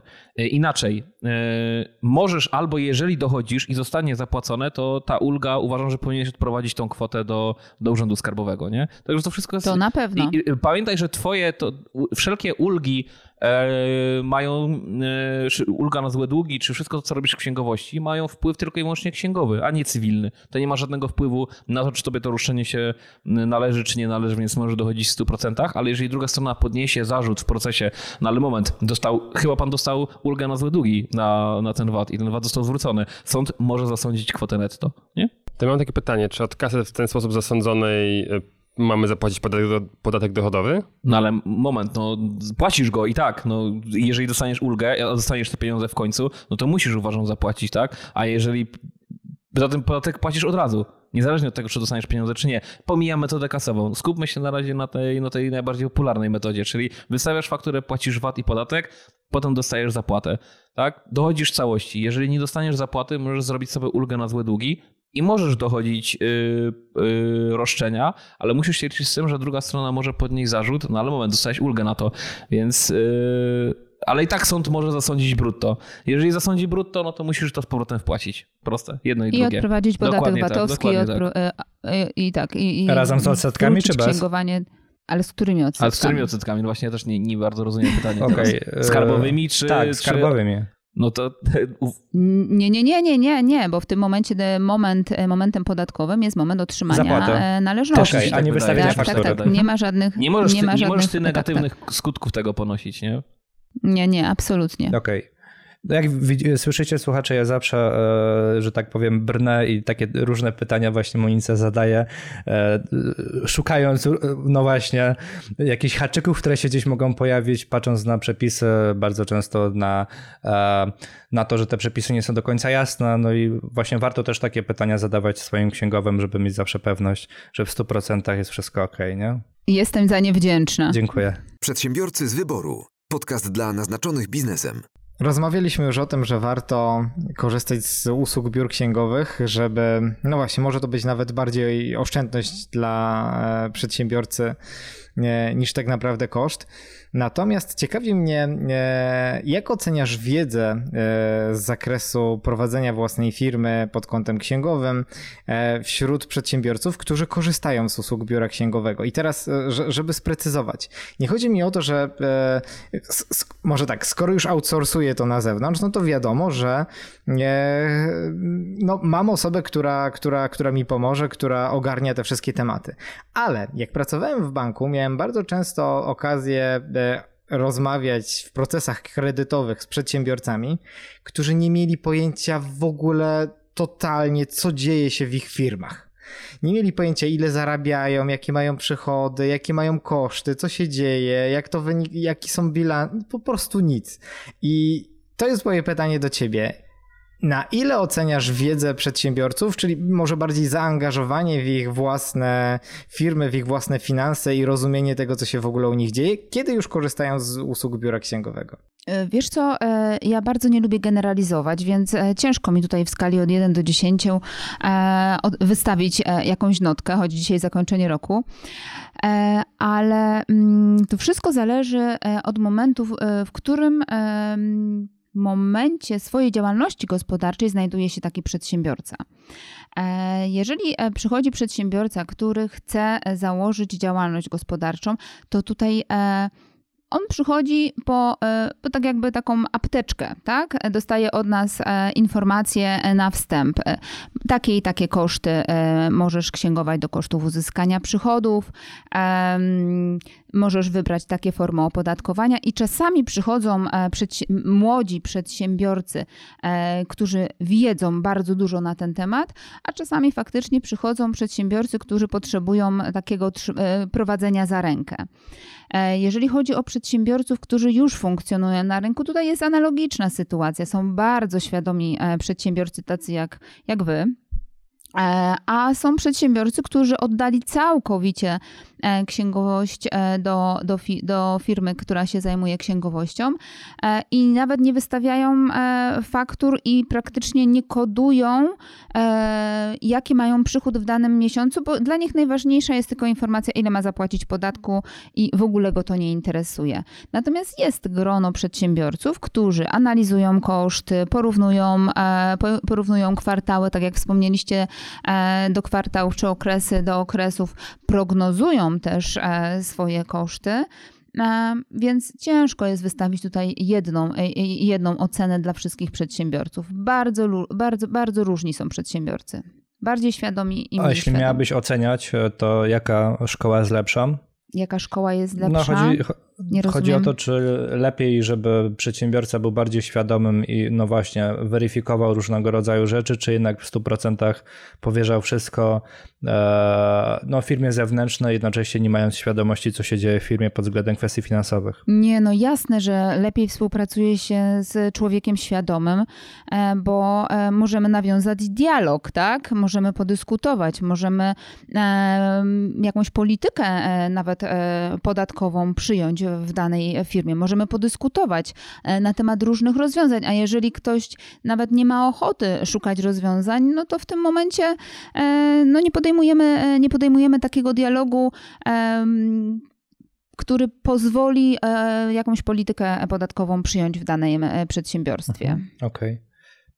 Okay. Mam pytanie takie mm, natury bardziej skierowanej do osób, które bądź też zamierzają w najbliższym czasie zmienić biuro księgowe, bądź też otwierają działalność gospodarczą i zastanawiają się nad tym, e, no właśnie, jeśli biuro księgowe, to jakie? No i tutaj, tutaj pytanie do ciebie też, Monika, e, no właśnie, na co zwrócić uwagę, szukając e, odpowiedniego czy biura księgowego, czy księgowej, jakich błędów na początku nie popełniać, bo słyszałem o różnych, natomiast fajnie jakbyś to powiedziała też ze swojej autopsji. Mhm. E, wiesz co, e, jak ja szukam jakiegokolwiek e, specjalisty z jakiejkolwiek dziedziny, to szukam wśród swoich znajomych polecenia. Tak jak z Piotrem powiedzieliśmy, polecenie daje już większą gwarancję aniżeli nawet wyszukanie w internecie. Natomiast czy, czy, czy sprawdzenie na rynku, jakie, jakie biura funkcjonują, Pewnie też, pewnie też można w ten sposób i bardzo dużo przedsiębiorców działa w ten sposób, jeżeli nie ma e, tej możliwości e, uzyskania polecenia. Jeżeli nie ma takiego, e, takiej możliwości, żeby, żeby ktoś polecił mu biuro, przede wszystkim sprawdziłabym, czy biuro, które, które, którym jestem zainteresowana, posiada uprawnienia do prowadzenia ksiąg handlowych, czy też jest tam doradca podatkowy. Musimy mieć też świadomość, że takie uprawnienia nie są nadawane dla konkretnego biura, tylko nadawane są dla konkretnej osoby.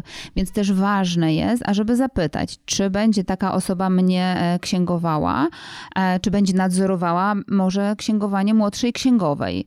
E, więc najpierw polecenie, potem sprawdzenie, czy dane biuro posiada, posiada uprawnienia, bo e, ten zawód został uwolniony. I teraz pytanie do przedsiębiorcy. On musi sobie sam odpowiedzieć na nie. Czy chce, ażeby osoba bez uprawnień prowadziła e, moje, e, moje finanse? Druga sprawa, ubezpieczenia biur są obowiązkowe, ale też warto sprawdzić, czy takie biuro posiada ubezpieczenie OC. Kolejną sprawą, którą bym się kierowała, to oczywiście cena, ale w korelacji z zakresem usług, bo wspomniałeś tutaj już o kwotach za, za prowadzenie ksiąg, książki przychodów i rozchodów. Tak, tak, tak. Nie, nie doprecyzowaliśmy książki Mariusz przychodów i rozchodów. Jednoosobową działalność gospodarczą. Mm, I to mówimy o kwotach Natomiast... takich no, 3-4 lata temu. Tak? Teraz nie zdaję sobie sprawy, jakie to są, no bo mm -hmm. e, wiadomo, już jako spółka inne koszty ponosimy. E, tak, więc e, mm, wracając do, do ceny, e, musimy sprawdzić, bo nie zawsze niska cena jest, już nie wspomnę o jakości usługi, ale zakres obowiązków, które w tej cenie, w tym abonamencie wykonywać będzie biuro rachunkowe. Należy zwrócić uwagę, czy jeżeli będę miał kontrolę z organami skarbowymi albo z ZUS-u, czy będzie to w abonamencie, czy będzie to dodatkowo płatne czy biuro rachunkowe śledzi e, moje zapłaty e, za faktury, zarówno po przychodach, jak i po stronie e, kosztów. Czy co my możemy, może, aha, czy będą dodatkowo płatne różne e, sprawozdania, e, które będą dodatkowo do zrobienia. Na przykład e, sprawozdania gusowskie, czy będą dodatkowo płatne, czy będę musiała dodatkowo zapłacić za wypełnienie wniosku kredytowego. Więc ważne jest, żeby sprawdzić, co za tą ceną idzie. No i właściwie chyba tymi e, kryteriami e, kierowałabym się ja przy wyborze biura, będąc e, po stronie biura rachunkowego. To ja jeszcze pozwolę sobie dodać, że dla mnie bardzo ważna jest dostępność bo no my jako przedsiębiorcy już sobie dyskutowaliśmy o tym tutaj niejednokrotnie, że działamy nie między 7.30 a 15.30, tylko czasami troszkę dłużej i dla mnie to jest duży komfort, że mogę do księgowej zadzwonić nie tylko na przykład w tych godzinach, tylko czasami zdarza się, oczywiście nie mówimy o nadużywaniu takiej sytuacji, ale czasami można też zadzwonić gdzieś tam później. Zresztą ja reaguję z sympatią, jak dostaję o 22, 23 mail od y, księgowej. Także mówię, o, swój człowiek, Pracujemy w podobnych godzinach. E, jeszcze jedną rzecz e, jakby tak zasygnalizuję z e, może nie mojej autopsji, ale, ale którą też słyszałem w różnych sytuacjach. Piotr by na pewno tutaj też to potwierdził, jak to jest z umowami z, z, z firmami, z którymi współpracujemy, tak, że no umowy są nie po to, żeby, żeby je po prostu tworzyć na czas, kiedy wszystko jest ok, natomiast one są przede wszystkim po to, jeśli coś się dzieje, żeby zabezpieczyć zabezpieczyć jedną i drugą stronę. I bardzo często przedsiębiorcy też o tym zapominają, że w momencie, kiedy z różnych przyczyn zmieniają biuro księgowe, a pojawia się kontrola i ta kontrola pojawia się za lata, które były rozliczane y, z firmą, z którą już nie współpracujemy, to pytanie, czy ta firma będzie brała odpowiedzialność i, i tak naprawdę e, przyjmie tą kontrolę, no bo ona rozliczała te dokumenty, a nie nowa, nowa firma księgowa, z, z którą współpracujemy. E, I wtedy się no, pojawia dosyć duży problem, więc też warto o tym pamiętać. Jasne, oczywiście, że tak, e, ale tak jak wspomniałeś, to już powinna e, uszczegółowić e, umowa między dwoma podmiotami podmiotami. Dokładnie. Przedsiębiorcy z wyboru. Podcast dla naznaczonych biznesem. Wracając jeszcze do tego, co mówiliśmy o tej prowadzeniu własnej księgowości, to na szybko pytanie, czy działalność, która jest zamknięta, może podlegać dalej kontroli? Oczywiście, że tak. To nie będę podkładał e, pomysłów do Urzędu Skarbowego. W takim razie to przejdźmy dalej.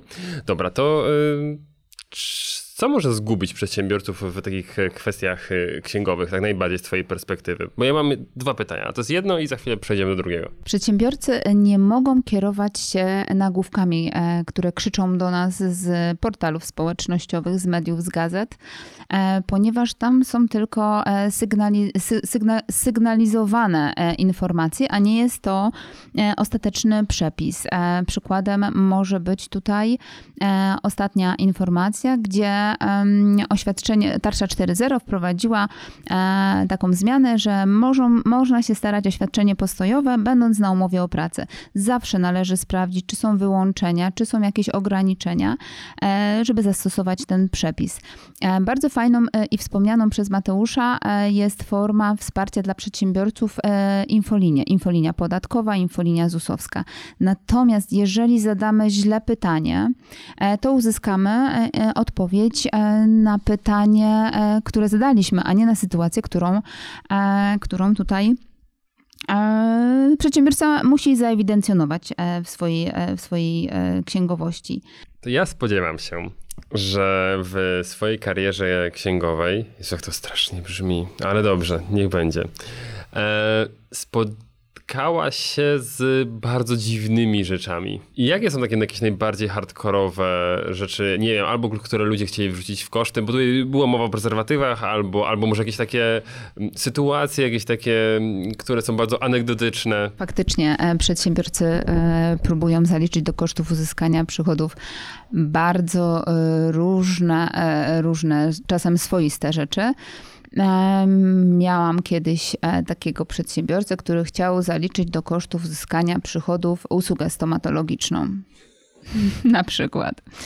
E, I można byłoby e, na przykład, jeżeli jego dentysta zmontowałby mu drugą szczękę, a on by był E, na przykład aktorem, który wystawia, prawda?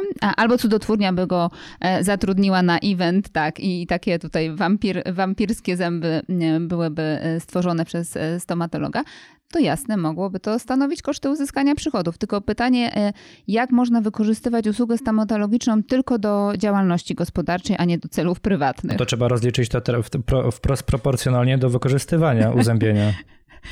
E, tak, to zawsze po stronie przedsiębiorcy leży udowodnienie przed organami e, skarbowymi, w jaki sposób wykorzystuje ten koszt do działalności gospodarczej. Jeśli to jest celebryta, potrafił... zawód celebryta i ma firmę, która zajmuje się być, byciem celebrytą, to on cały... I nie używa zębów do jedzenia w celach prywatnych. Ale on cały, cały czas jest celebrytą. Aha, cały czas jest celebrytą. Pracuje 24 godziny na dobę, nawet jak nie pracuje. No tak, no bo paparazzi robią mu zdjęcia, tak dalej, on na to nie ma wpływu, a to znowu wpływa na jego wizerunek, więc on musi cały czas dobrze wyglądać. To jeżeli miałabym takiego klienta, to zwróciłabym się e, o e, interpretację indywidualną i w tym momencie e, zarówno ja jako biuro księgowe, jak i mój klient jest chroniony. Bo na przykład jeżeli przez pracę stracił zęby i trzeba było robić mu nowe przeto, no to powinien dostać zwrot. To może do ubezpieczyciela e, zwrócić się o, e, no, no może, do, może do ubezpieczyciela albo wypadek w pracy ewentualnie. E, no ale nie, wypadek w pracy to nie u przedsiębiorcy.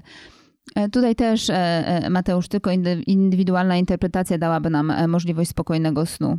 No i tak. Natomiast to już jest bardzo naciągane. Czyli drodzy przedsiębiorcy, musicie być kreatywni. I dbajcie o zęby. Prywatnie. Tak, dbajcie o zęby. A jakieś jeszcze przykłady, jakieś anegdotyczne? Z, z, z, może z jakiejś kontroli zabawne? To ja z kontroli mogę jedynie podać taki przykład, a Monika w międzyczasie na pewno coś ciekawego e, wymyśli. Mieliśmy taką firmę, współpracowaliśmy z nią zresztą e, i też opowiadała o sytuacji, w której mm, miała specjalny pokój. Pokój, w której przyjmowała kontrolę. No i ten pokój miał dosyć mocną klimatyzację. I to skutkowało tym, że zawsze kontrola przychodziła, dostawała e, informację, że no niestety, ale znowu nasza klimatyzacja nawaliła, w związku z czym ona bardzo mocno chłodzi, e, dzięki czemu ta kontrola dosyć szybko się kończyła, tak? Czyli osoby, które kontrolowały to, co miały, to zrobiły, no i wychodziły. To nie trwało tygodnie, tygodniami, jak to miało miejsce we wcześniejszych sytuacjach, kiedy e, klimatyzacja działała poprawnie. Także co do kontroli. Faktycznie słyszałam też o takich metodach. E, my, obsługując naszych kontrahentów, e, mamy też przeznaczony pokój e, na to, żeby tam odbywały się kontrole, a oni mogli spokojnie prowadzić swoją działalność gospodarczą, w ogóle nie kontaktując się z urzędnikami podczas tej kontroli. Natomiast takich metod nie stosujemy. Pokój zwierzeń. Co nie, co nie jest zaproszeniem wcale organów skarbowych do przyjścia do nas na kontrolę. E, jeżeli chodzi o ciekawą sytuację, to muszę wam, muszę przyznać, że mm, e, teraz tak na szybko e, przypomniałam sobie, ale bardzo dramatyczną, więc nie wiem, czy, czy, czy, czy, mogę, czy mogę ją opowiedzieć ze względu na szacunek dla mojego klienta. Może, może. To nie mów, że to był Michał. Nie, nie mów, że to był Michał. My, my wytniemy to, że to chodziło o kancelarię Piotra Łysko. Nie, najba- najbardziej dramatycznymi e, sytuacjami, to może skupię się nad dramatycznymi i nad ogólnymi jednak, najbardziej dramatycznymi sytuacjami, e, które, e, które w mojej karierze miały miejsce, to niestety kontrole, które, które zakończyły się bardzo negatywnie dla naszych klientów i spowodowały zamknięcie ich firm. Nie dopiero po nastu latach, gdzie sytuacja e, została skierowana do sądu, e, klienci otrzymali odszkodowanie za błędną decyzję e, urzędnika.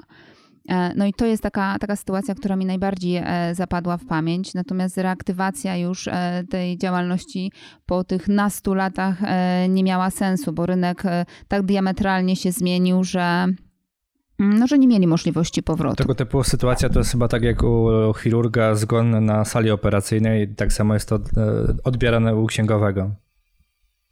No, ale to, to, to, co powiedziałeś, mi się skojarzyło z Optimusem. Tam była podobna chyba sytuacja, prawda? Że no super rozwiedza się firma komputerowa w Polsce i nagle, Boom. wiadomo, była położona, po czym, a nie, jednak się pomyliliśmy. Zgadza się, tutaj była bardzo, bardzo podobna sytuacja. Prężnie rozwijająca się firma, nie chcę wchodzić w szczegóły, ale prężnie rozwijająca się firma w całej Polsce. E, niestety e, dostała decyzję e, pokontrolną, niezgodną z prawem. Ani urzędnik nie poniósł konsekwencji, wszystkie konsekwencje podniosła niestety ta, ta firma. My już rozmawialiśmy kiedyś z Piotrem na temat odpowiedzialności urzędników za wydawanie takich decyzji i jak to powinno wyglądać. No bo de facto, taka błędna decyzja, to nie to jest, okej, pokładzie moje przedsiębiorstwo, tak? Czyli no ja jako przedsiębiorca muszę sobie z czymś radzić, no ale jeśli ja zatrudniam ileś osób, no to właśnie jedna błędna decyzja pociągnęła za sobą kilkadziesiąt żyć tak naprawdę, które nagle zostały wywrócone tak w jakiś sposób. A odpowiedzialność umiarkowana, nazwijmy to tak delikatnie, żeby nie być e, bardzo hejtującym. Przedsiębiorcy z wyboru. Podcast dla naznaczonych biznesem. No, wydaje mi się, że to nie będzie jedyny odcinek, w którym będziemy zajmować się kwestiami księgowymi, bo ewidentnie one nam leżą i e, tematów na pewno, temat, te, tematyk, jak to już w naszym podcaście już kiedyś było stwierdzone, na pewno nie wyczerpaliśmy.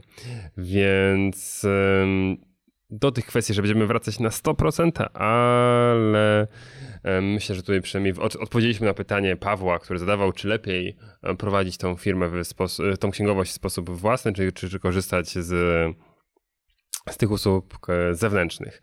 No i tymczasem żegnamy się z wami, drodzy słuchacze, i zapraszamy do 61 odcinka, który mamy nadzieję, że już za tydzień. I jeszcze odpowiadając na pytania z komentarzy, tak, 50 odcinek nadchodzi. Jest szansa, że pojawi się w lipcu, a jak dobrze pójdzie, to nawet 2020 roku. A zatem dzisiaj przy mikrofonach byli Michał Kucharski. Mateusz Majk. Mariusz Malicki. Monika Lipowicz-Okrajni. A głupi jest Piotr Łysko! Przedsiębiorcy z wyboru. Podcast dla naznaczonych biznesem. Porady, studium przypadków, nowinki, analizy, dyskusje, rozmowy, opinie. Kiedy się budzę, widzę łysego. Jak idę spać, łysy. Cały czas. Co ma, to już masz głową? Nic, nic. Jesteś strasznie brzydki i właśnie sobie to przypomniał. Monika, jesteś mega super księgową, naprawdę. Dzięki wielkie. Dziękuję ci bardzo. Totalne zaprzeczenie tego, jakim prawnikiem jest Piotrek. Ja jeszcze mam takie ćwiczenie, żeby mówić wyraźniej.